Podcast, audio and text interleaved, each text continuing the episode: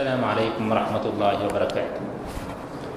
الحمد لله والصلاة والسلام على رسول الله صلى الله عليه وعلى آله وصحبه وسلم.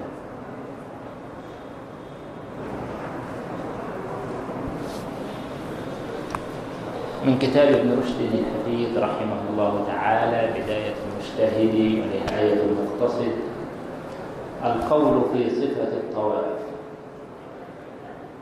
والجمهور مجمعون على أن صفة كل طواف واجبا كان أو غير واجب أن يبتدئ من الحجر الأسود.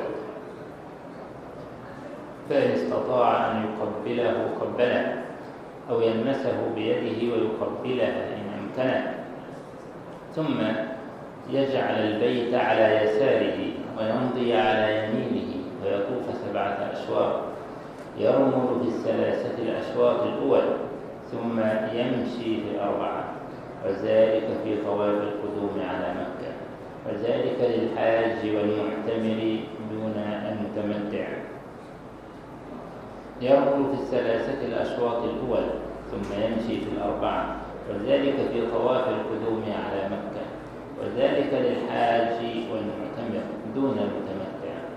يقصد طبعا بكلمة الحاج هنا يقصد الحاج المفرد الحاج المفرد الذي يطوف طواف القدوم والمعتمر وحده الذي يكون طواف القدوم بالنسبة له هو طواف الركن لأن المعتمر ليس عليه إلا طواف الركن عندما يذهب يعتمر في البيت الحرام ثم بعد ذلك يسعى بين الصفا والمروة ثم يحلق أو يقصر وبهذا يتحلل حيث يكون قد تمت عمرته وذلك للحاج والمعتمر دون المتمتع وأنه لا رمل على النساء.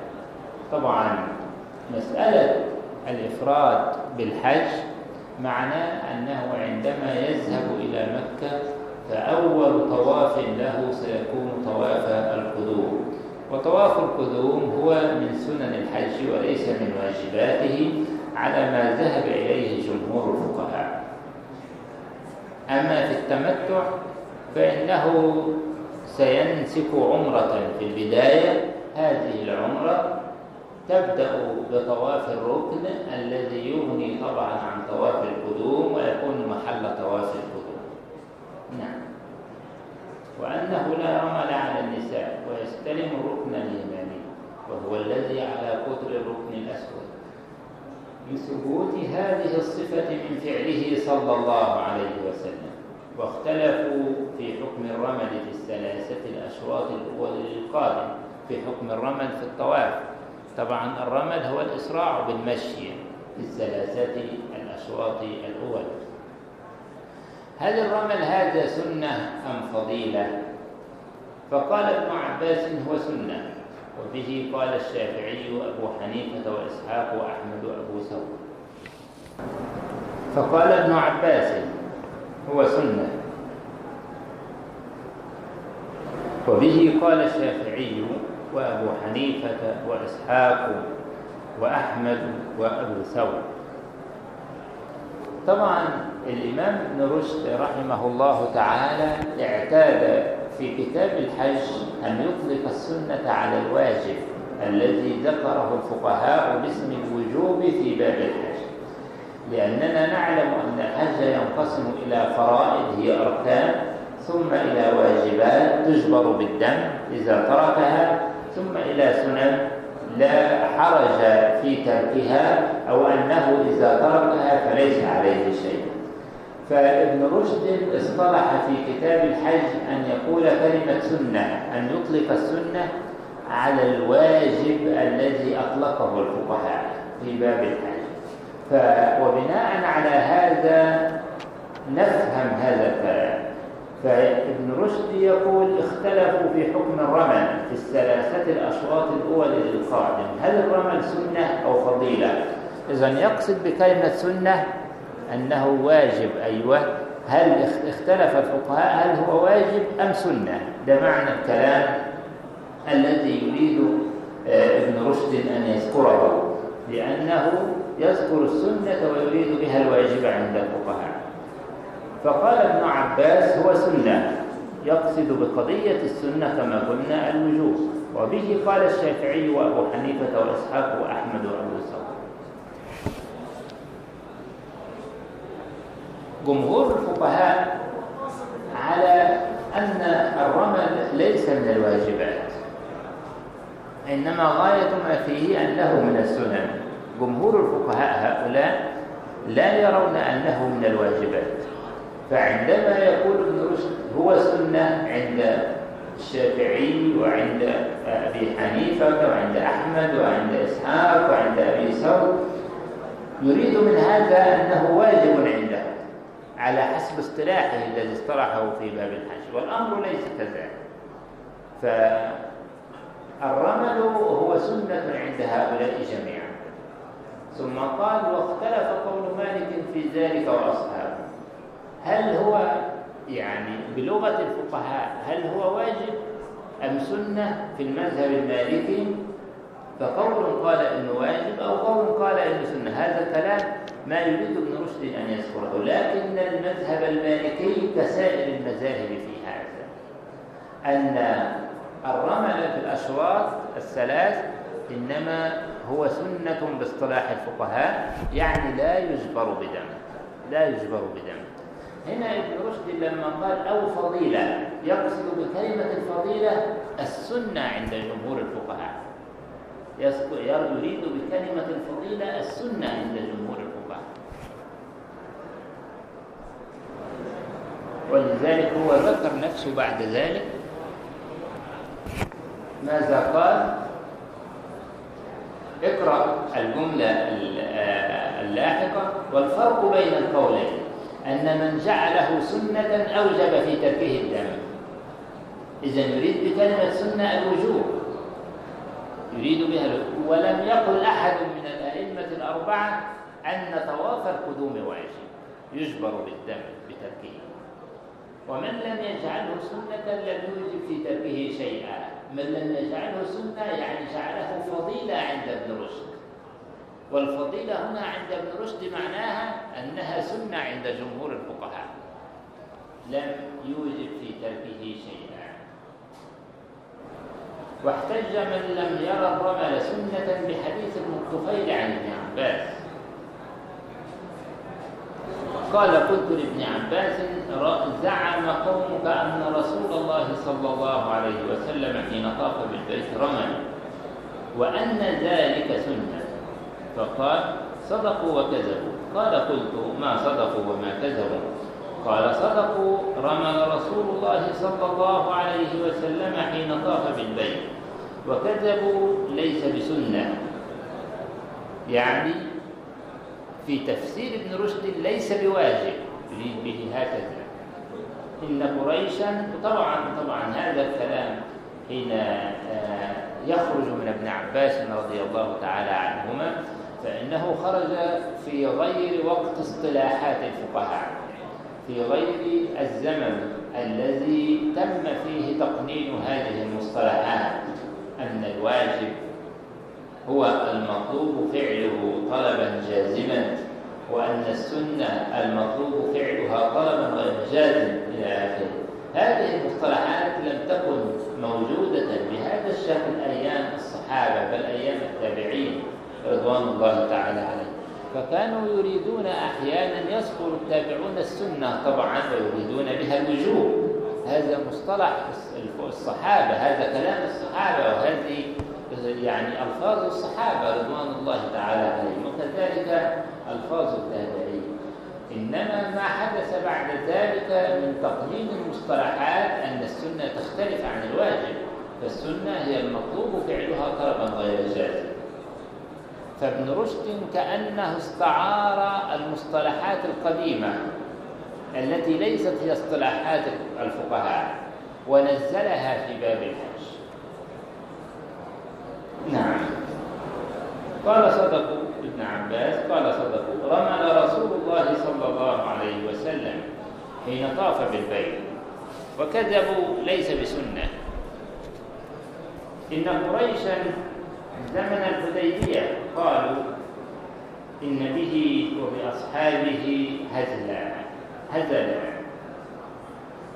وقعدوا على قعان ينظرون إلى النبي صلى الله عليه وسلم وأصحابه فبلغ ذلك النبي صلى الله عليه وسلم فقال لأصحابه ارملوا أروهم أن بكم قوة.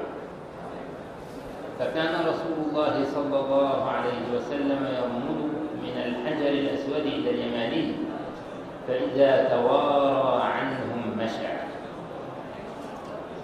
مشى في أربعة أشواط الأخيرة وحجة الجمهور. أنه ليس بواجب حديث جابر أن رسول الله صلى الله عليه وسلم في الأشواط في حجة الوداع.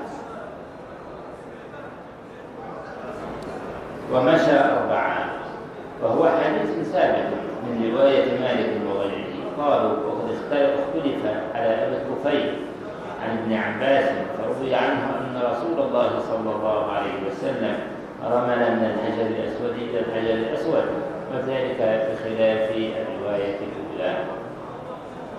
طبعا عن ابن عباس فروي عنه بخلاف الرواية الأولى التي ذكرها ابن عباس يقصد برواية ابن عباس الماضية التي قال صدقوا وكذبوا ليس بسنة إن قريشا قعدوا على الطعام إلى آخره ينظرون إلى رسول الله صلى الله عليه وسلم. فرمل رسول الله في الأشواط الثلاث ثم إذا توارى عنه مشى. فهذه الرواية الثانية عن ابن عباس يستدل بها الجمهور على أن فعل الرمل هو ليس بواجب لأن النبي صلى الله عليه وسلم فعله ولم يأمر به فعله ولم يأمر به. فدل ذلك على أنه ليس من واجبات الحج. طبعا عندما تنظر إلى هذه الرواية وتنظر إلى الرواية الماضية التي ذكرها ابن عباس يقول إنه ليس بسنة. إن قريشا زمن الحديبية قالوا إن به وبأصحابه هزلا إلى آخره. فهذه الرواية تقول الأولى ليس بسنة والرواية الثانية توضح أنه ليس بواجب. وكلمة ليس بسنة إحنا عرفنا إن ابن رشد يريد بالسنة الواجب. فكأن ابن عباس في نظر ابن رشد وفي فهم ابن رشد لهذه النصوص كأن ابن عباس يقول إنها ليست بواجبة في الرواية الأولى. وفي الرواية الثانية وجدنا أن الجمهور يستدلون على عدم الوجوب. فكأن الروايتين متفقتان. أن الرواية الأولى لابن عباس إن الرمل ليس بسنة أي ليس بواجب. والرواية الثانية أن النبي صلى الله عليه وسلم رمل إذا أيضا الرمل فعل فلا يدل الفعل بمجرده على الوجوب. آه هذا كلام يعني هذا وجه الديانة للجمهور ومن ثم يكون رواية ابن ابن عباس تؤديان غرضا واحدا وهو أن الطواف ليس بواجب. إذا إلى هذه النقطة أو إلى هذه النصوص لم يأتي ابن رشد بدليل لمن يقول إن الطواف واجب. لم يأتي.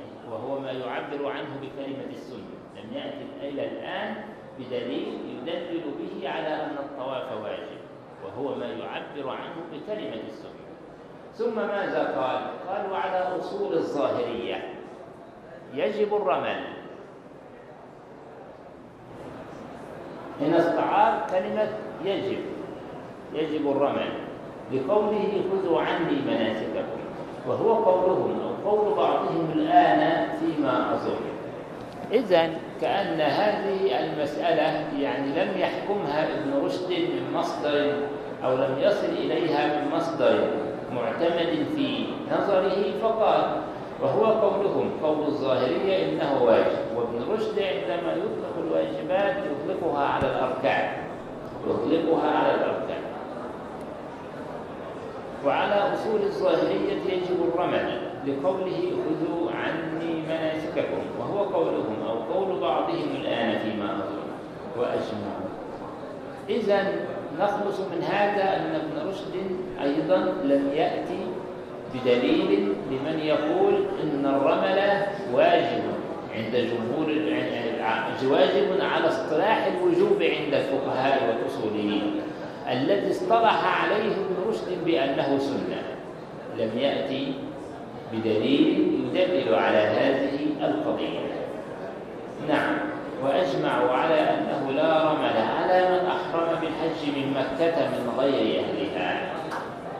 وهم المتمتعون لأنهم قد رملوا في حين دخولهم حين طافوا للقدوم إن أهل أن من يطوف من مكة من غير أهلها في التمتع لأن التمتع الإمام مالك على أنه ليس لأهل مكة وكذلك الإمام أبو حنيفة على أنه ليس لأهل مكة إنما التمتع للقادمين إلى مكة والمسافرين إلى مكة. كان رخصة لهم أن يقدر الله تعالى لهم العمرة والحج في عام واحد واحد في سفر واحد.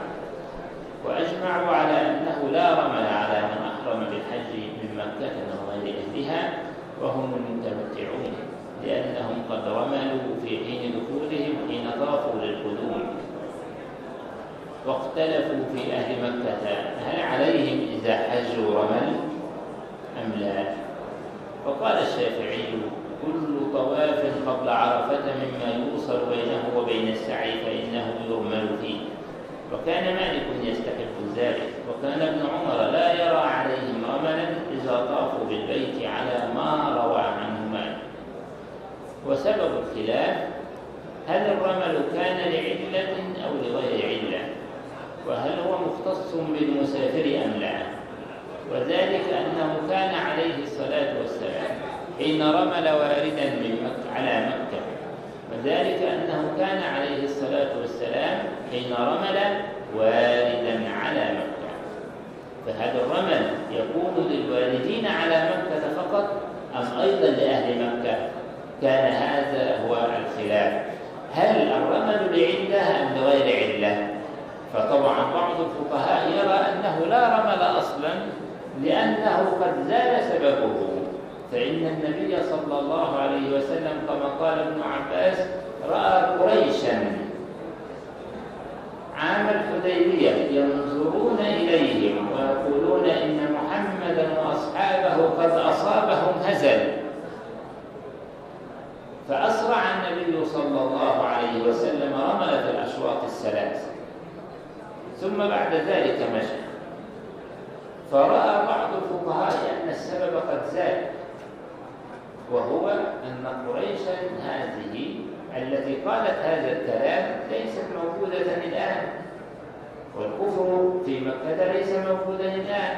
وبالتالي لا يوجد هذا السبب الذي من أجله رمل النبي صلى الله عليه وسلم. فهنا ابن رشد يحكي سبب الخلاف فيقول هل الرمل كان لعلة كان لسبب معين.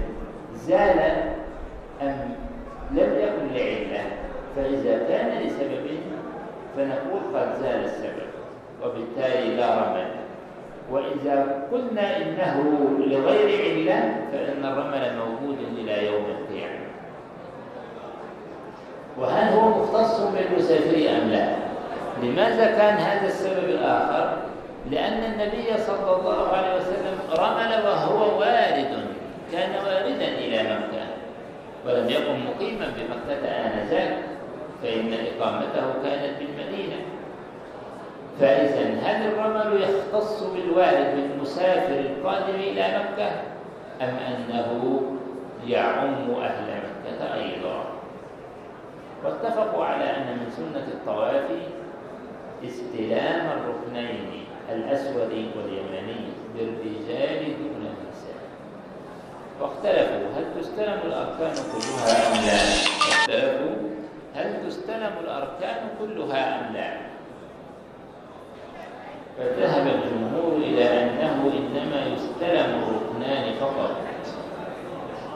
لحديث ابن عمر أن رسول الله صلى الله عليه وسلم لم يكن يستلم إلا ركنين فقط.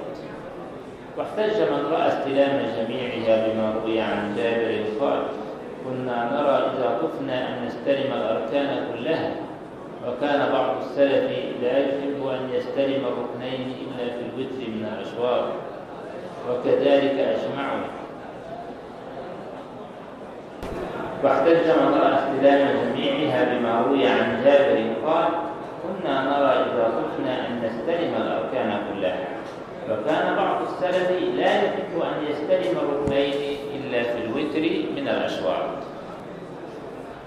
وكذلك أجمعوا على أن تقبيل الحجر الأسود خاصة من سنن الطواف إن قدر. وإن لم يقدر على الدخول إليه قبل يده. وذلك لحديث عمر بن الخطاب الذي رواه مالك أنه قال وهو يطوف بالبيت حين بلغ الحجر الأسود إنما أنت حجر ولولا أني رأيت رسول الله صلى الله عليه وسلم قبلك ما قبلته. ثم قبله. وأجمعوا على أن من سنة الطواف ركعتين بعد انقضاء الطواف وجمهورهم على أنه يأتي بها الطائف عند انقضاء كل أسبوع إن طاف أكثر من أسبوع. الأسبوع هنا المراد به الطواف الكامل سبعة أشواط. إن كلما تطوف سبعة أشواط تصلي ركعتين من باب السنة وتحية البيت هي الطواف. فربما تدخل البيت اليوم اليوم تدخل البيت غدا تحيته تحيته هي الطواف.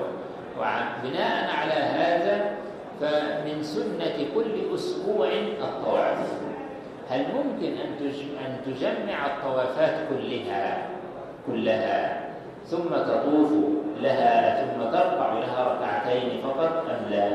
هذا هو الذي حدث الاختلاف وأجاز بعض السلف أن لا يفرق بين الأسابيع وأن لا يفصل بينها بينهما بالركوع ممكن تطوف أكثر من طواف ثم بعد ذلك تركع. خاصة طبعا هذا متصور الذي يطوف أكثر من طواف متصلين ببعضهم البعض ثم يرفع لكل أسبوع ركعتين وهو مروي عن عائشة أنها كانت لا تفرق بين ثلاثة أسابيع ثم تركع ست ركعات. إذا تدخر الركعات كلها إلى النهاية. تصلي الركعات كلها في نهاية الطوافات مثلا أنت طفت ثلاث طوافات يبقى إذا كنت طفت ثلاث طوافات يبقى في هذه الحالة عليك ركعتين لكل طواف أي ست ركعات. ممكن تصليها مع بعضها البعض. وحجة الجمهور أن الركعتين إنما يتصلان بالطواف أن رسول الله صلى الله عليه وسلم طاف بالبيت سبعة وصلى خلف المقام ركعتين وقال خذوا عني مناسككم وحجة من أزاج الجمع من أجاز الجمع أنه قال المقصود إنما هو ركعتان بكل أسبوع.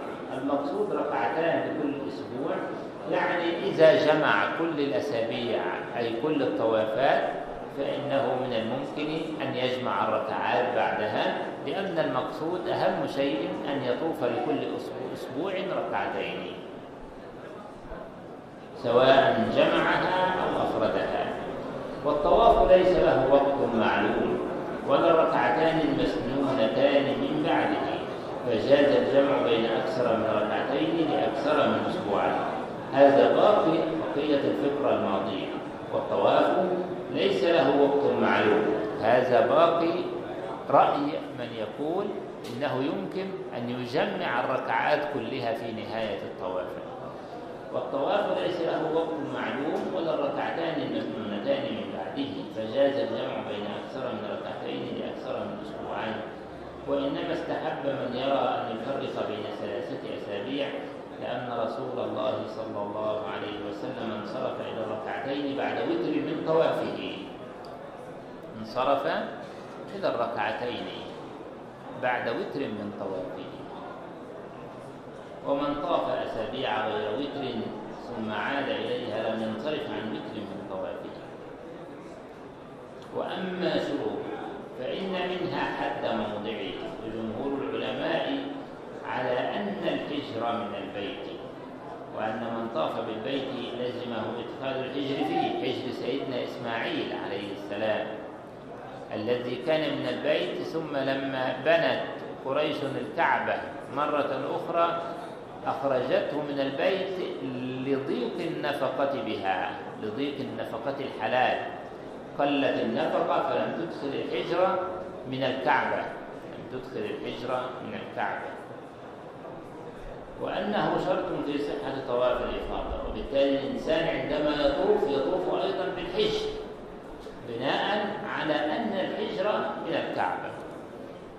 وقال أبو حنيفة وأصحابه هو سنة طبعا سنة هنا معناها أنه واجب واضح أنه هنا معنى كلمة سنة أنه واجب يعني الإمام أبو حنيفة يرى الطواف بدون الحجر صحيح لكن عليه دم.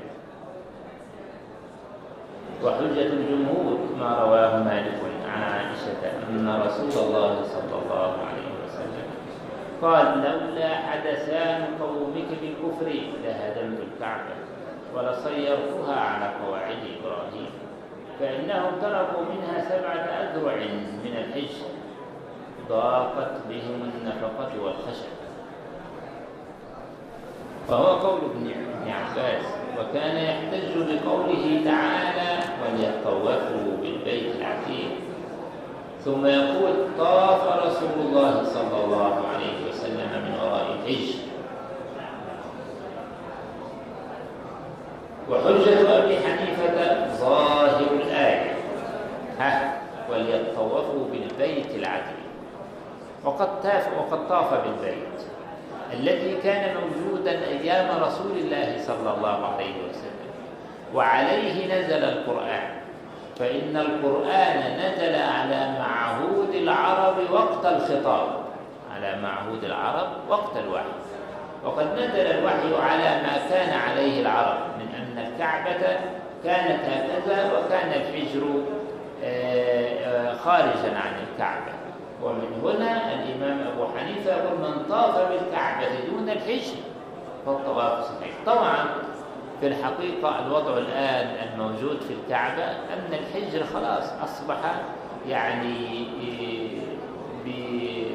بالوضع الحديث والوضع القائم هو جزء لا يتجزأ من الطواف. فأي إنسان يريد أن يطوف فإنه سيطوف بالحج لأنه أصبح مظلوما إليها.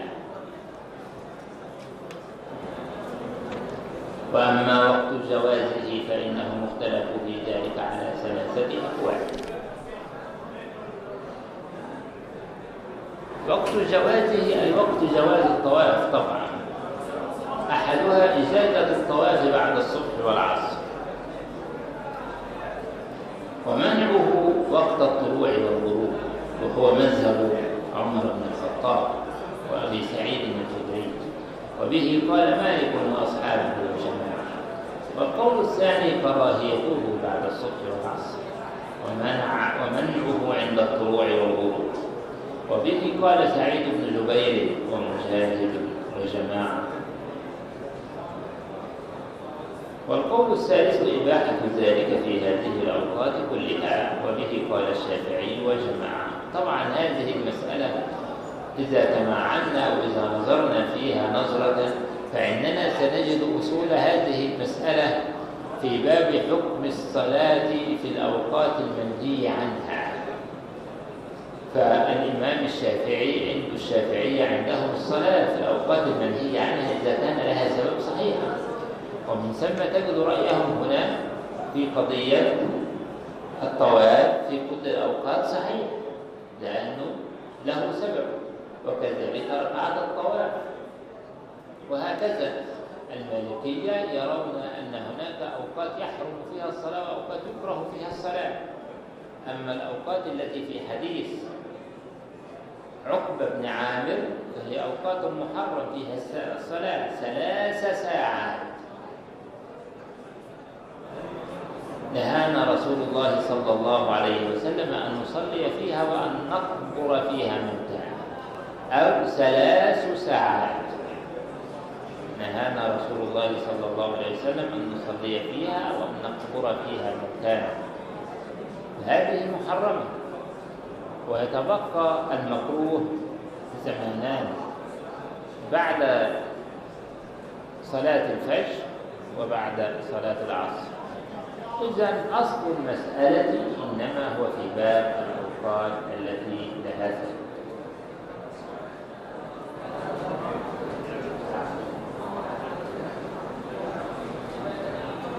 وأصول أدلتهم راجعة إلى منع الصلاة في هذه الأوقات أو إباحتها. أما وقت الطلوع والغروب فالآثار متفقة على منع الصلاة فيها. والطواف هل هو ملحق بالصلاة في الصلاة في ذلك الخلاف. طبعا. من ألحق الطواف بالصلاة قالوا هذه الآراء وهم جمهور الفقهاء. ومما احتجت به الشافعية حديث جبير بن مطعم الشافعية يرون الطواف في كل وقت من الأوقات. ومما احتجت به الشافعية حديث جبير بن مطعم أن النبي صلى الله عليه وسلم قال يا بني عبد مناف أو يا بني عبد المطلب. إن وليتم من أمري من هذا الأمر شيئا فلا تمنعوا أحدا طاف بهذا البيت أن يصلي فيه أي ساعة شاء من ليل أو نهار. رواه الشافعي وغيره عن ابن عيينة بسنده إلى جبير بن واختلفوا في جواز الطواف بغير طهارة مع إجماعهم على أن من سنته الطهارة هذه مسألة جديدة في الطواف. هل يشترط للطواف الطهارة أم يصح الطواف بدون طهارة؟ مع إجماعهم انظر إلى كلام ابن رشد. مع إجماعهم على أن من سنته الطهارة. من سنته. ماذا يريد بكلمة من سنته هنا؟ لا يريد السنة التي لا تجبر بالدم. لا يريد بالسنة الفضيلة إنما يريد بها الوجوب. آه. على أن من سنته يعني من طريقته الأصلية الطهارة.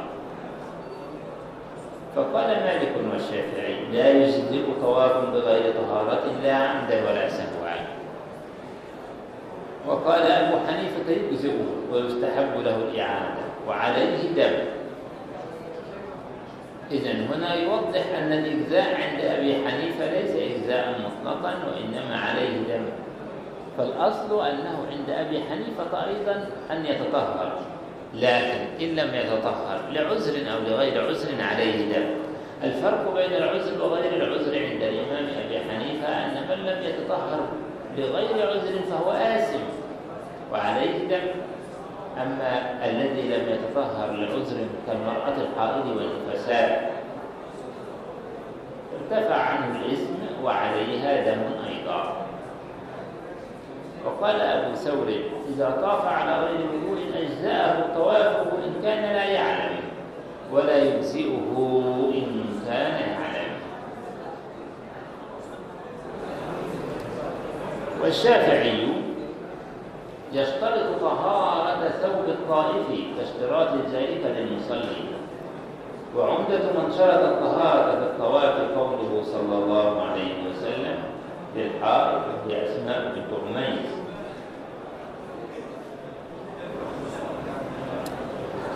اصنعي ما يصنع الحاج غير ألا تطوفي بالبيت. وهو حديث صحيح. وقد يحتجون أيضا بما روي أنه صلى الله عليه وسلم قال الطواف بالبيت صلاة إلا أن الله أحل فيه المدة. فلا ينطق إلا بخير. وعمدة من أجاز الطواف بغير طهارة إجماع العلماء على جواز السعي بين الصفا والمروة من غير طهارة وأنه ليس كل عبادة يشترط فيها الطهر من الحيض من شرطها الطهر من الحدث. أصله الصوم.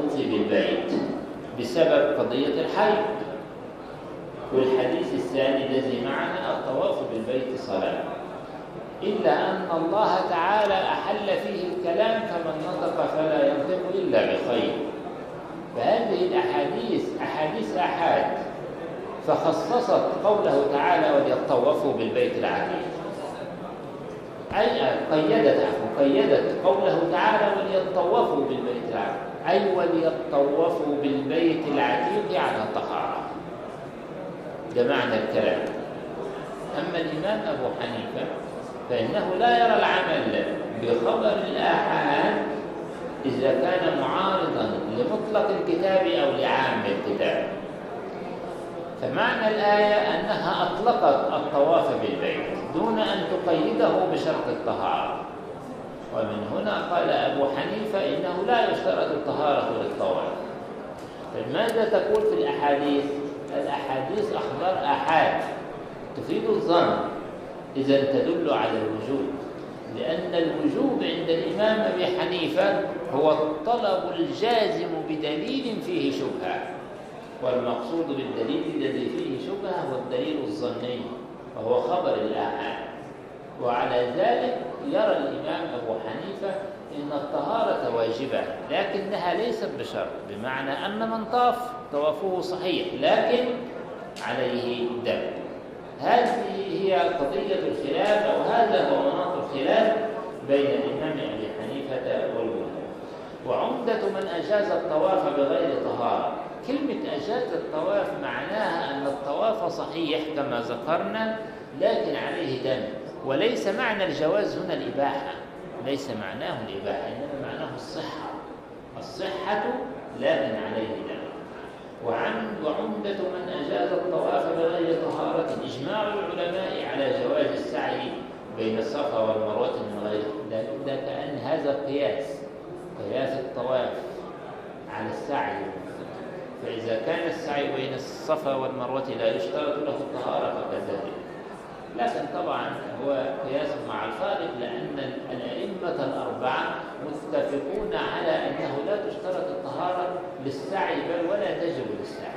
ولا تجب إنما هنا الإمام أبو حنيفة يرى الطهارة واجبة للطواف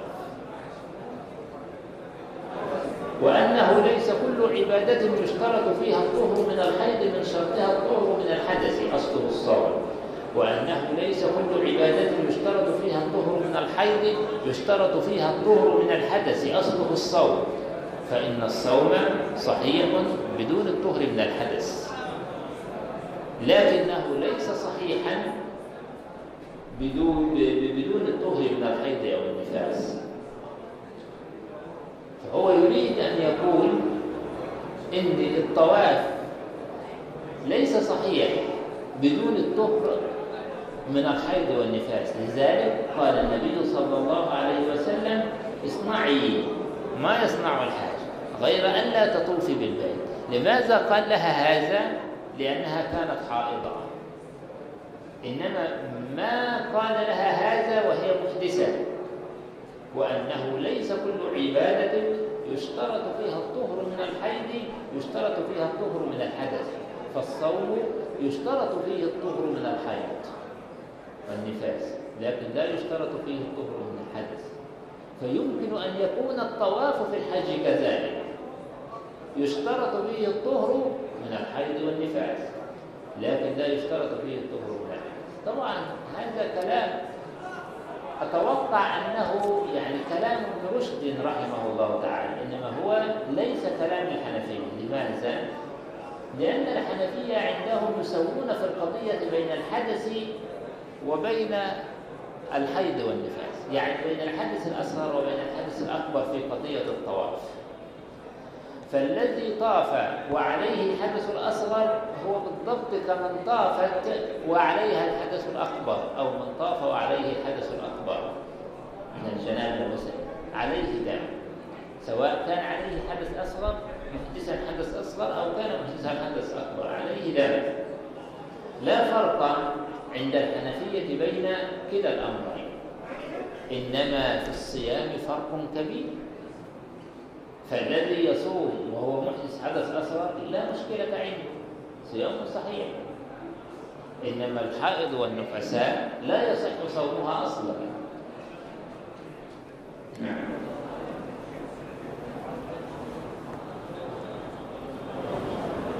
وأما أعداده فإن العلماء أجمعوا على أن الطواف ثلاثة أنواع.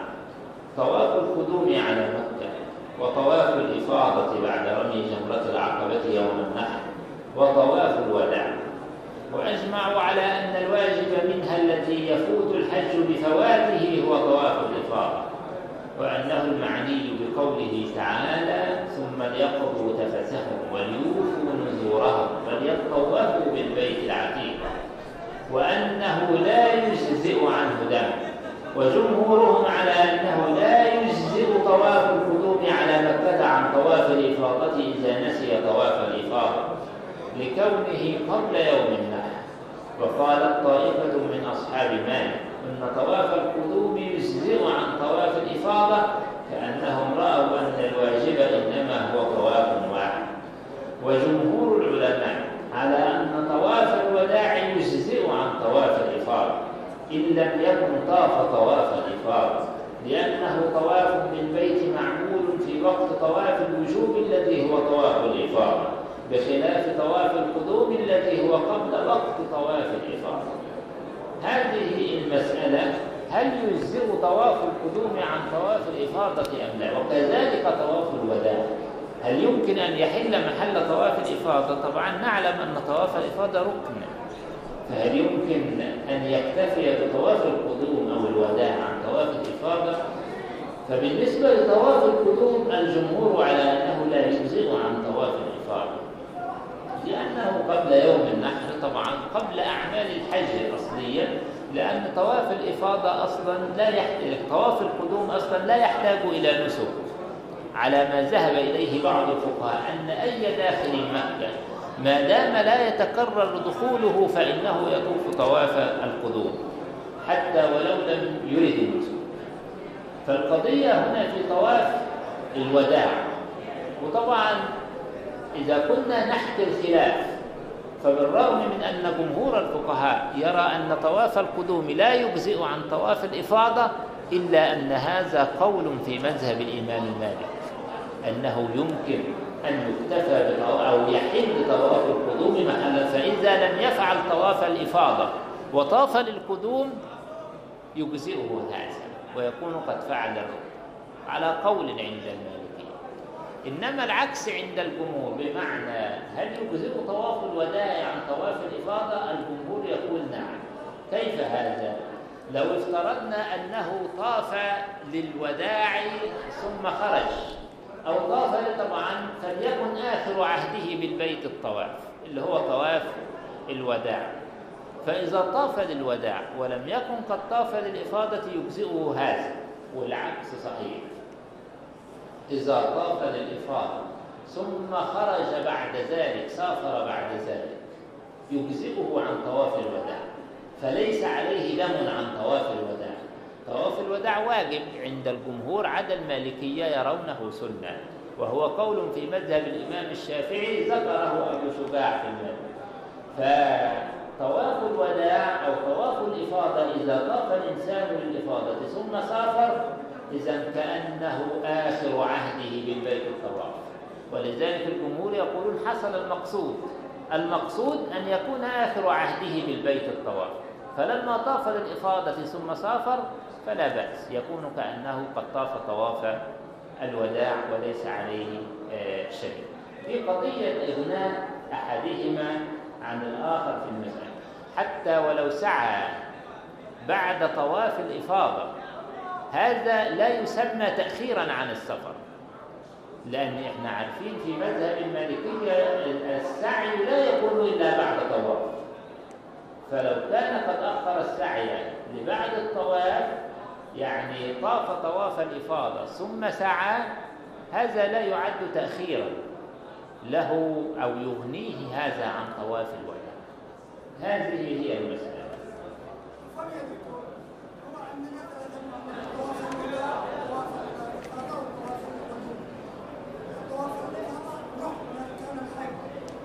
نعم. الطوافان الآخران؟ الطوافان الآخران طواف القدوم سنة وطواف الوداع واجب يجبر تركه بذلك فإذا طاف للإفاضة كما ذكرت ثم خرج خلاص كأنه طاف للوداع. وإذا طاف للوداع أيضا ولم يطف للإفاضة فكأنه طاف للإفاضة ليس عليه شيء. نعم. وأجمعوا فيما حكاه أبو عمر بن عبد البر. أن طواف القدوم والوداع من سنة الحاج إلا لخائف فوات الحج فوات الحج فإنه يجزئ عنه طواف الإفاضة. واستحب جماعة من العلماء لمن عرض له هذان أن يرمل في الأشواط الثلاثة من طواف الإفاضة على سنة طواف طواف القدوم من الرمل. وتحدثنا عن قضية الرمل في البداية. وأجمعوا على أن المكي ليس عليه إلا طواف الإفاضة. كما طبعا المكي ليس عليه طواف الوداع ومن أهل مكة. وأجمعوا على أن المكي ليس عليه إلا طواف الإفاضة. كما أجمعوا على أنه ليس على المعتمر إلا طواف القدوم. طبعا طواف القدوم في حق المعتمر طواف ركن لابد أن يأتي به لأن المعتمر العمرة هي الطواف والسعي. ثم الحلقة والتقصير بعد ذلك والتحلل. فالطواف عند المعتمر هو طواف ركن وليس هو طواف سنة. نعم. وأجمعوا على أن من تمتع بالعمرة إلى الحج أن عليه طوافين. وطبعا طواف الوداع في حق المعتمر مستحب عند جمهور الأئمة الأربعة. بخلاف طواف الوداع في الحج فهو واجب عند الأئمة الثلاثة خلافا للإمام مالك الذي يرى أن طواف الوداع للحاج وأجمعوا على وأجمعوا أن من تمتع بالعمرة إلى الحج أن عليه طوافين. طوافا للعمرة لحله منها وطوافا للحج يوم النحر على ما في حديث عائشة المشهور. وأما المفرد للحج فليس عليه إلا طواف واحد كما كنا يوم النحر واختلفوا في القارن فقال مالك والشافعي وأحمد وأبو ثور يجزئ القارن يجزئ القارن طواف واحد وسعي واحد. هذا مذهب الجمهور أن القارن طبعا القارن الذي يحرم بالحج والعمرة معا دون أن يكون هناك فاصل بيني من تحلل بينهما. فهذا القارن هل يكفيه سعي واحد أم لابد من سعيان وطوافان هذه هي المسألة. واختلفوا في القارن فقال مالك والشافعي وأحمد وأبو ثور يجزئ القارن طواف واحد وسعي واحد. طواف واحد بالنسبة للنهاية يطوف طواف الإفاضة. خلاص ده معنى كلمة طواف واحد. وسعي واحد هو السعي بين الصفا والمروة مرة واحدة. ده مذهب الجمهور خلافا للحنفية. فالحنفية عندهم يكفي للقارن آه لابد للقارن من طوافين وسعيين. نعم. عند الجمهور يجزئ القارن طواف واحد وسعي واحد وهو مذهب عبد الله بن عمر وجابر وعمدتهم حديث عائشة المتقدم وقال الثوري والأوزاعي وأبو حنيفة وابن أبي ليلى على القارن طوافان وسعيان. إذن لا فرق في النسك عند الإمام أبي حنيفة بين المتمتع وبين القارن فالمتمتع عليه طوافان طواف للعمرة وطواف للحج وطواف الإفاضة. وكذلك عليه سعيان سعي للعمرة وسعي للحج هكذا القارن عند الإمام أبي حنيفة عليه طوافان طواف للعمرة وطواف للحج وهكذا سعيان بس يا دكتور في فرق بين الحج والعمرة. العمرة سنة والحج فرق. العمرة سنة عند الإمام الشافعي. نعم. آه، عفوا عند الإمام أبي حنيفة أقصد وكذلك الإمام مالك. إنما هي واجبة عند الإمام الشافعي ورواية عند الحنابلة. فقضية الفرق هل هي سنة أو واجبة؟ لا نستطيع أن إحنا نتوقف عندها لأن الخلاف بين الفقهاء مبني. موجود فيها. فالشافعية ورواية عن الحنابلة أن العمرة واجبة وليست بسنة نعم. وقال الثوري والأوزاعي وأبو حنيفة وابن أبي ليلى على القارن طوافان وسعيان ورووا هذا عن علي وابن مسعود بأنهما نسكان. من شرط كل واحد منهما إذا انفرد طوافه وسعيه فوجب أن يكون الأمر كذلك إذا اجتمعا. فهذا هو القول في وجوب هذا الفعل وصفته وشروطه وعدده ووقته والذي يتلو هذا الفعل من أفعال الحج. أعني طواف القدوم هو السعي والذي يتلو هذا الفعل من أفعال الحج أعني طواف القدوم هو السعي بين الصفا والمروة. وهو الفعل الثالث للإحرام النقل فيه. يعني الطبيعي هو يسعى بين السعى بين الصفا والمروة بعد طواف بعد طواف القدوم. ما دام قد طاف للقدوم وطواف القدوم عرفنا في الحج أنه سنة وعرفنا في العمرة أنه ركن من أركان. القول في السعي بين الصفا والمروة. القول في حكمه أما حكمه فقد فقد قال مالك والشافعي هو واجب. ونحن عرفنا كلمة الوجوب ما معناها عند ابن رشد في باب الحج أو أنها ركن يريد بها الركنية في باب الحج ابن رشد يريد بها الركنية. أما حكمه فقال مالك والشافعي هو واجب أي ركن. وإن لم يسعى كان عليه حج قابل وبه قال أحمد وإسحاق. وقال الكوفيون هو سنة. معنى أيوة أي واجب. يعني يطلق السنة ويريد بها الوجوب عند الفقهاء. وقال الكوفيون أي الحنفية هو سنة أي واجب. وإذا رجع إلى بلاده ولم يسعى كان عليه ذلك طبعا مذهب الحنفية وقال بعضهم هو تطوع ولا شيء على تاركه. طبعا قضية السعي هل في من الفقهاء من قال إن السعي تطوع؟ تطوع هنا يريد بها دروس السنة. يعني ليس على من ترك السعي ذلك فهي رواية عن الإمام أحمد في مذهب الحنابلة رواية في مذهب الحنابلة. وهو مروي عن ابن مسعود وابن عباس رضي الله تعالى عنهم جميعا. أن السعي سنة وليس بواجب. ويستدلون على ذلك بعدة نصوص وآثار. منها الآية نفسها. إن الصفا والمروة من شعائر الله. فمن حج البيت أو اعتمر فلا جناح عليه أن يطوف به.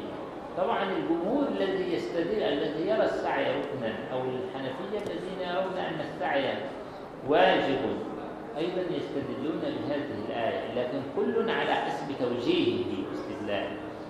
فالجمهور كلمة فلا جناح عليه أن يطوف بهما. قالوا رفع الجناح هنا ليس هو رفع الحرج المعتاد المعروف الذي يوحي برفع الاسم ثم يعني فيتبعه الإباحة.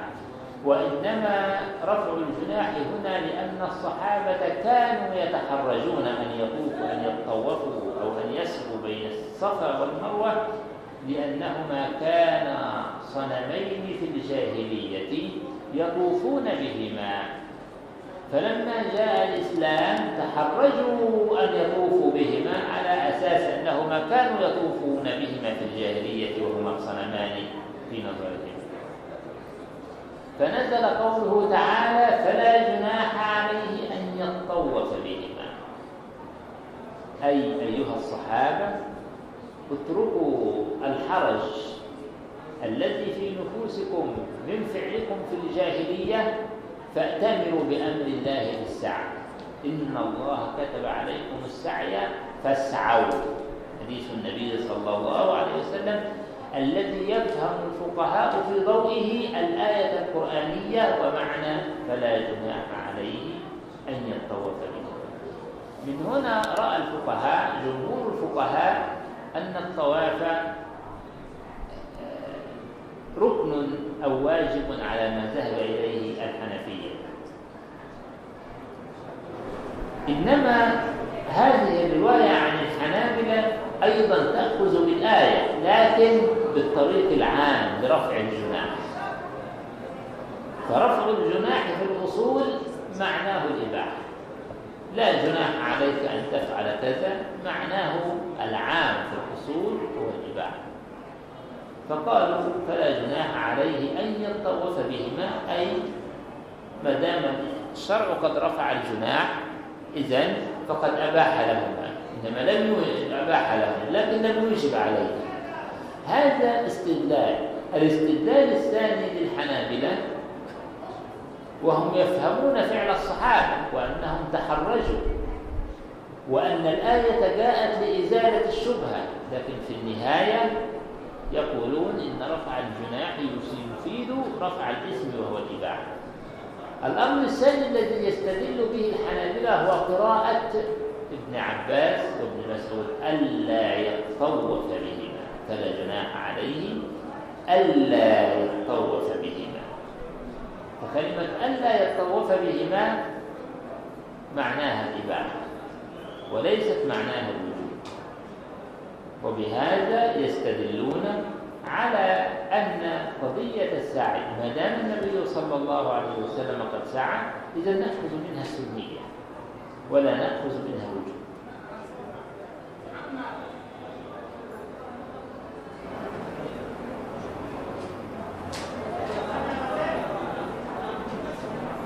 بالإضافة إلى أنهم اعتمدوا شيء من من الاقتران وهو إن الصفا والمروة من شعائر الله والشعائر سنن.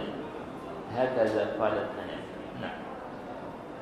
فعمدة من أوجبه ما روي أن رسول الله صلى الله عليه وسلم كان يسعى ويقول اسعوا فإن الله كتب عليكم السعي. روى هذا الحديث الشافعي عن عبد الله بن المؤمن فأخذ الإمام الشافعي بأنه ركن إن الله كتب وكتب معناها فرض. روى هذا الحديث الشافعي عن عبد الله بن المؤمن وأيضا فإن الأصل أن أفعاله عليه الصلاة والسلام في هذه العبادة محمولة على الوجوب إلا ما أخرجه الدليل من سماع أو إجماع أو قياس عند أصحاب القياس وعمدة من لم يوجبه من لم يوجب السعي.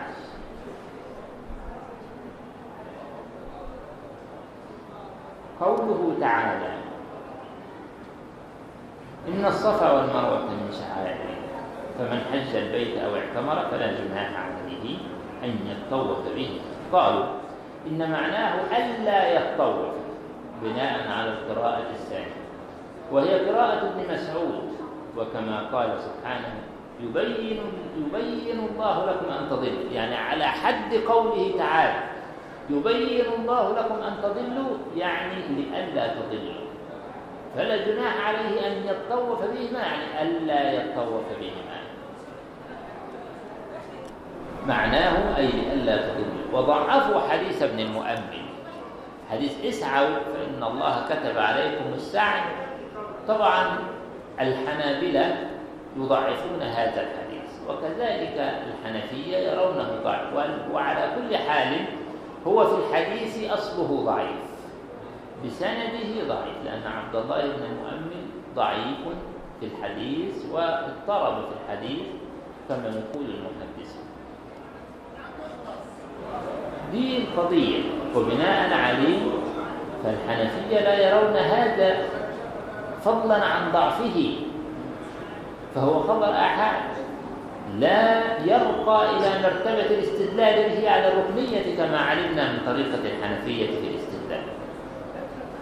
وأما الحنابلة فإننا قد علمنا أنهم يستدلون بالآية أن المراد بها رفع الجناح والحديث فيه ضعف. فقالت عائشة الآية على ظاهرها. طبعا مذهب السيدة عائشة كمذهب الإمام الشافعي والإمام مالك في ركنية السعي وإنما نزلت في الأنصار تحرجوا أن يسعوا بين الصفا والمروة على ما كانوا يسعون عليه الرجال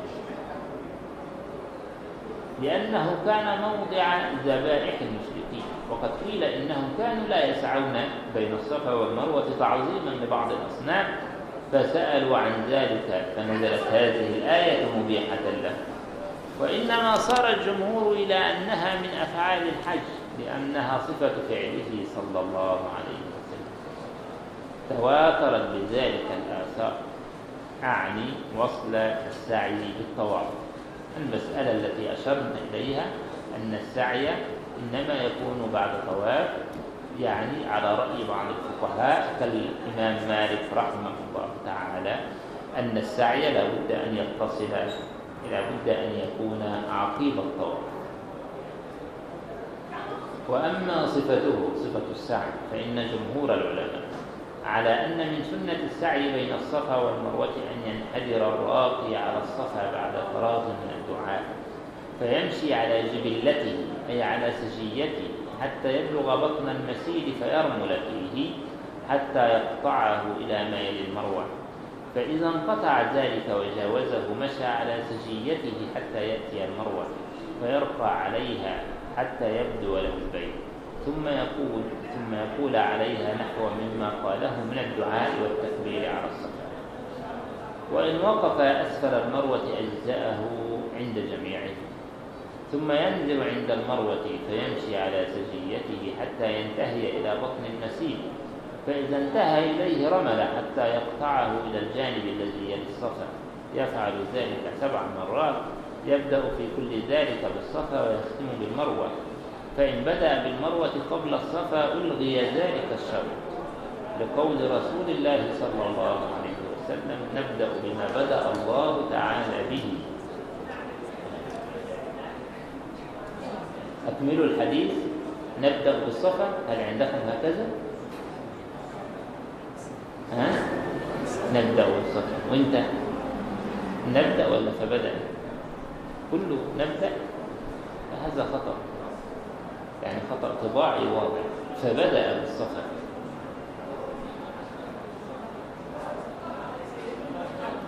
فبدأ بالصفا نبدأ بما بدأ الله به فبدأ بالصفا صلى الله عليه وسلم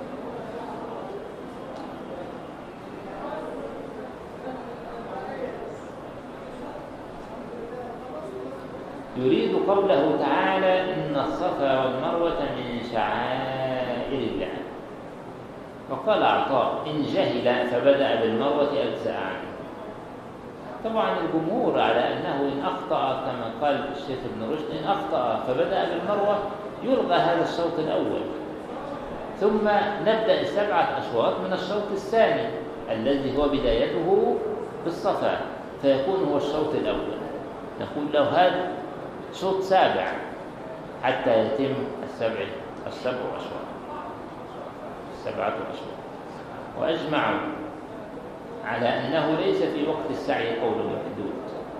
فإنه موضع دعاء.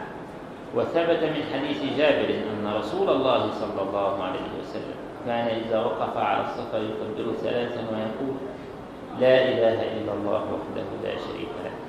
له الملك وله الحمد وهو على كل شيء قدير.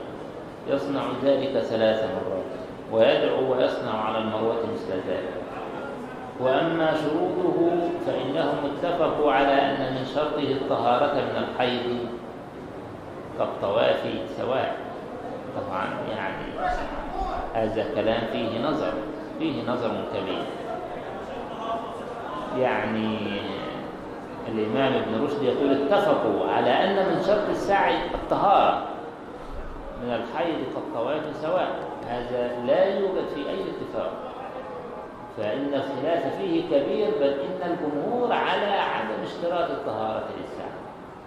جمهور الفقهاء من الأئمة الأربعة على عدم اشتراط الطهارة للسعي. إلا رواية عند الحنابلة. هي التي اشترطت الطهارة للسعي. وهو قول الإمام الحسن البصري من التابعين باشتراط الطهارة للسعي إنما الأئمة الفقهاء الأربعة في الأصل أنه لا يشترط الطهارة للسعي لقوله صلى الله عليه وسلم في حديث عائشة فعلي كل ما يفعل الحاج. غير أن لا تطوفي بالبيت. هو الحديث الصحيح إلى هنا. غير أن لا تطوفي فهو الإمام ابن رشد يقول ولا تسعي ولا تسعي بين الصفا والمروة. ثم يقول انفرد بهذه الزيادة يحيى عمان انفرد بها. فهي الزيادة خالفت الثقات. دون من روي عنه هذا الحديث. فكل من روي عنه هذا الحديث ابن رشد يقول هكذا. كل من روي عنه هذا الحديث لم يأتي بهذه الزيادة. إلا يحيى عن مالك. والمراد بيحيى بن يحيى التميمي هنا.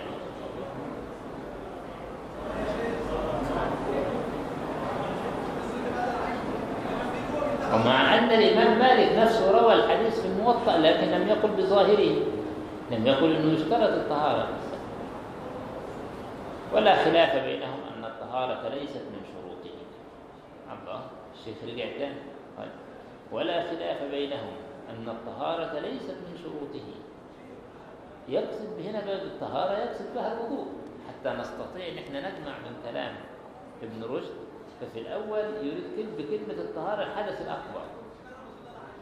إنه ليس الحدث الأكبر آه عفوا أن الحدث الأكبر من شروط السعي. آه عفوا أن الطهارة من الحدث الأكبر من شروط السعي. لكن كما ذكرنا أنه لم يقل بهذا جمهور ثم قال ولا خلاف بينهم أن الطهارة ليست من شروط إذا يقصد بها الطهارة من الحدث الأصغر. فهذا كلام صحيح أن الأئمة الأربعة على الطهارة من الحدث الأصغر ليست من شروط السهل ونضيف لها أن الطهارة من الحدث الأكبر أيضا ليست من شروط السهل ولا خلاف بينهم أن الطهارة ليست من شروطه إلا الحسن فإنه شبهه بالطواف. يقصد به الحسن البصري. وأما ترتيبه فإن جمهور العلماء اتفقوا على أن السعي إنما يكون بعد الطواف. وأن من سعى قبل أن يطوف بالبيت يرجع فيطوف وإن خرج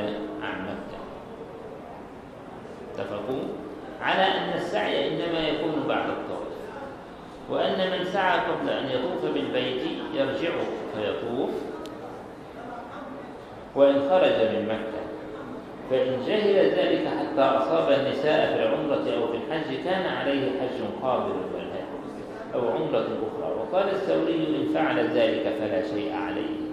وقال أبو حنيفة إذا خرج من مكة فليس عليه أن يعود وعليه دم.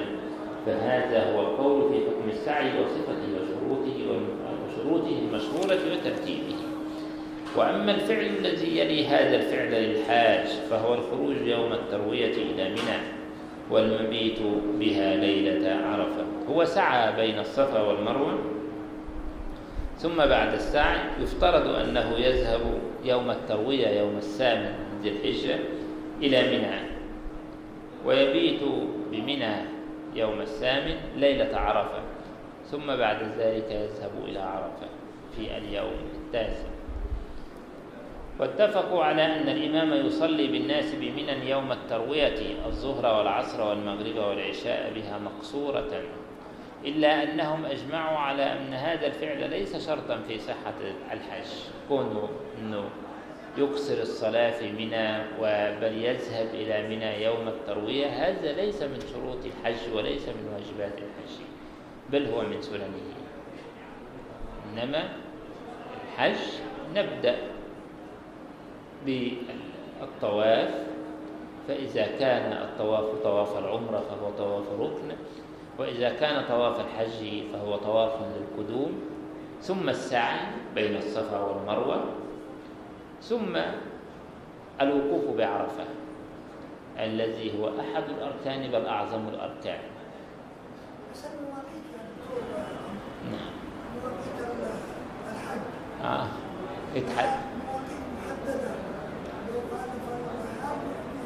نعم المواقيت فاتت. تحدثنا عنها كثيرا قضية المواقيت وهو إذا أحرم بعد الميقات هل حجه صحيح أم لا؟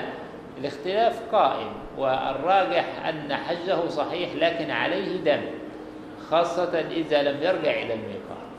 فإن رجع إلى الميقات وأحرم من الميقات فلا بأس ولا شيء عليه. على الراجح من أقوال الفقهاء والله أعلم. نعم ميقات العراق هو ذات عرق على الأصل. وفيه طبعا الخلاف. موجود. نعم. صحيح.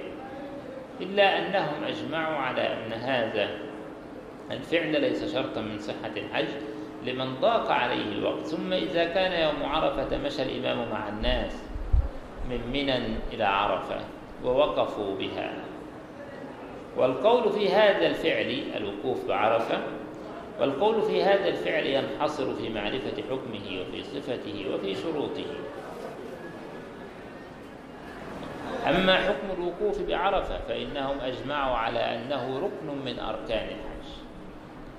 وأن من فاته فعليه حج قارص. والهدي أيضا في قول أكثرهم لقوله عليه الصلاة والسلام الحج عرفة. وأما صفته صفة الوقوف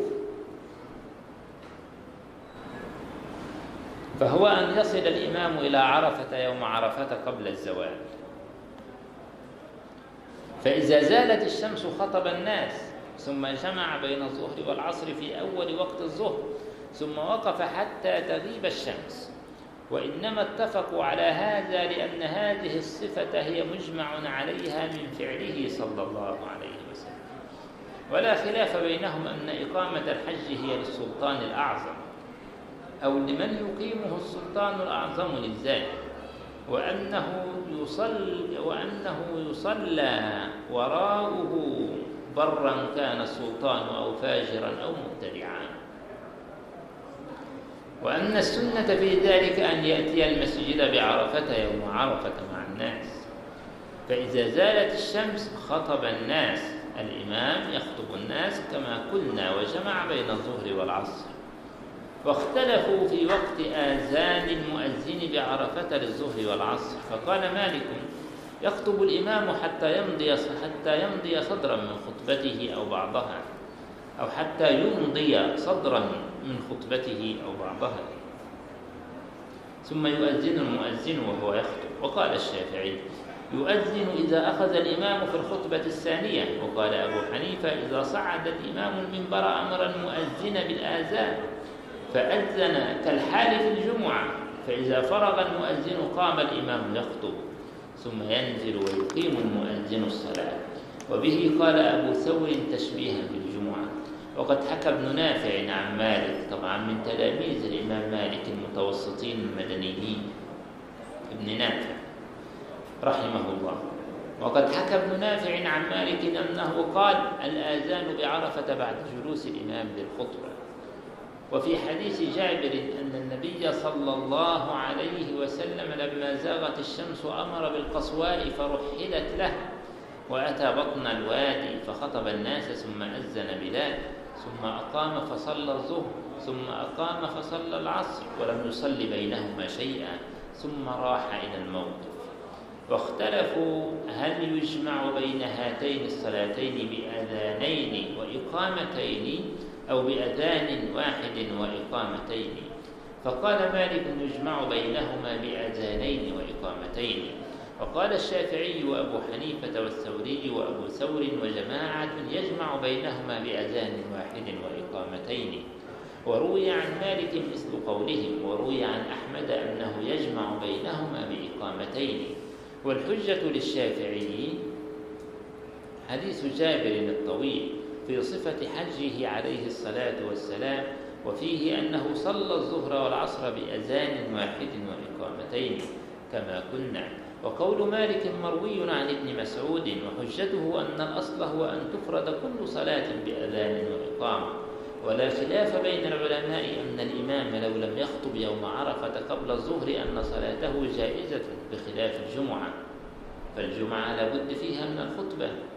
أما عرفة لو أن الإمام لم يخطب عرفة صحيحة والحج صحيح والصلاة الظهر والعصر جمعا صحيحة لا بأس بها. لكن من سنتها الخطبة تذكيرا للناس. وقضية يوم عرفة صفته متى يبدأ ومتى ينتهي؟ هو يبدأ من بعد الفجر والبعض يجعله أو الجمهور يجعلونه من الزوال إلى الليل إلى ما بعد الغروب.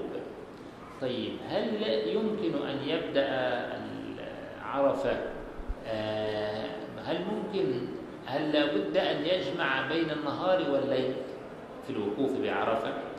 هل حاج عليه أن يجمع جزءا من النهار مع جزء من الليل؟ يعني نقول له أنت تقف نهارا لكن عليك أن تظل واقفا إلى ما بعد الغروب حتى ولو دقيقة. المهم لابد أن تجمع بين النهار والليل. أم يكفيه ليل أو نهار. الراجح أن يكفيه الليل أو النهار. فإذا وقف بعرفة ولو دقيقة واحدة ليلا أو نهارا فحجه صحيح.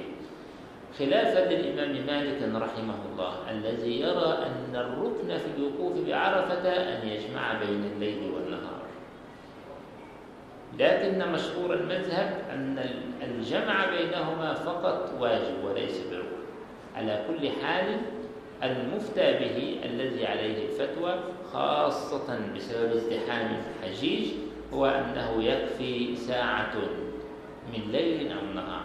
والساعة ليس معناها الساعة الزمنية بل يكفي وقت من ليل أو نهار في الوقوف بعرفة.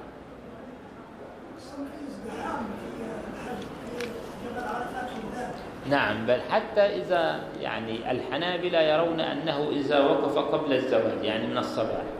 ونفر قبل الزوال فلا حرج ولا دم عليه.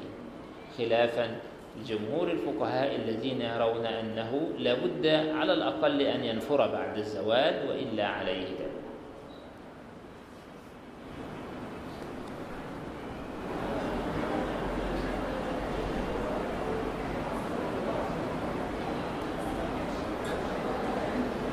وكذلك أجمعوا أن القراءة في هذه الصلاة سرا. الظهر والعصر وأنها مقصورة إذا كان الإمام مسافرا. هذه طبعا أشياء تفترق بها هذه الصلوات عن صلاة الجمعة وصلاة الجمعة جهرية إنما هذه الصلوات عادي سرية وأنها مقصورة إذا كان الإمام مسافرا. واختلفوا إذا كان الإمام مكيا هل يقصر بمنن الصلاة يوم التروية؟ مع أنه مقيم هل ممكن الإمام يصلي قصرا وهو مقيم بسبب الحج. هذه هي قضية الخلاف. هل القضية في التأسي بالنبي صلى الله عليه وسلم على ظاهر الحال؟ فمن قال ذلك قال إنه يقصر. ومن لاحظ أن النبي صلى الله عليه وسلم كان مسافرا وهو الراجح. قال إذا كان الإمام مقيما فعليه أن يتم الصلاة. نعم. واختلفوا إذا كان الإمام مكيا هل يقصر بمنن الصلاة يوم التروية وبعرفة يوم عرفة وبالمزدلفة ليلة النحر إن كان من أحد هذه المواضع إن كان مقيما فقال مالك والأوزاعي وجماعة سنة هذه المواضع التقصير سواء أكان من أهلها أو لم يكن. إذا جعلوا من أسباب القصر الوقوف بعرفة والوقوف بمزدلفة والحضور إلى منى يعني حتى ولو لم يكن مسافرا. هذا سبب جديد للقصر بالإضافة إلى السفر عند المالكية ومن يرون مذهبهم. وقال الثوري وأبو حنيفة والشافعي وأبو ثور وداود لا يجوز أن يقصر من كان من أهل مكة من أهل تلك المواضع. لا يجوز له القصر. وحجة مالك أنه لم يروى أن أحدا أتم الصلاة معه صلى الله عليه وسلم مع أن البعض كان مقيما. أعني بعد سلامه منها. يعني بمجرد سلام النبي من الصلاة كله سلم حتى المقيمون. وحجة الفريق الثاني البقاء على الأصل المعروف أن القصر لا يجوز إلا للمسافر حتى يدل الدليل على التخصيص.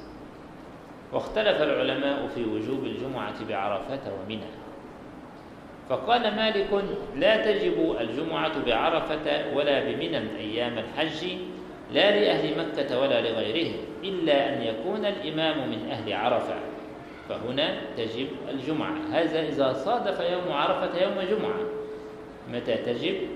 فقال مالك لا تجب على المسافرين إلا أن يكون الإمام من أهل عرفة يعني الإمام مقيم فهنا عليه الجمعة فيخطب والناس يعني يأتمون به ويستمعون إليه. وإن كان لا جمعة على المسافرين وبالتالي إذا كان الإمام مسافر فلا تقام الجمعة. وقال الشافعي يعني لا تقام على سبيل الوجوب. وقال الشافعي مثل ذلك إلا أنه يشترط في وجوب الجمعة أن يكون هنالك من أهل عرفة أربعون رجلا على مذهبه في اشتراط هذا العدد في الجمعة. وقال أبو حنيفة إذا كان أمير الحج ممن لا يقصر الصلاة بمنى ولا بعرفة صلى بهم فيها الجمعة إذا صادفها.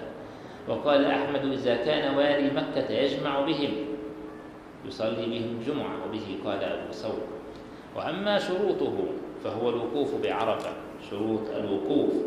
فهو الوقوف بعرفة بعد الصلاة. طبعا هي القضية ليست الوقوف ليس هذا هو الشرط وإنما هو تسامح من ابن رشد لأن الشرط هو الذي يريده ابن رشد هو الوقوف بعد الزوال وليس قضية الوقوف بعد الصلاة.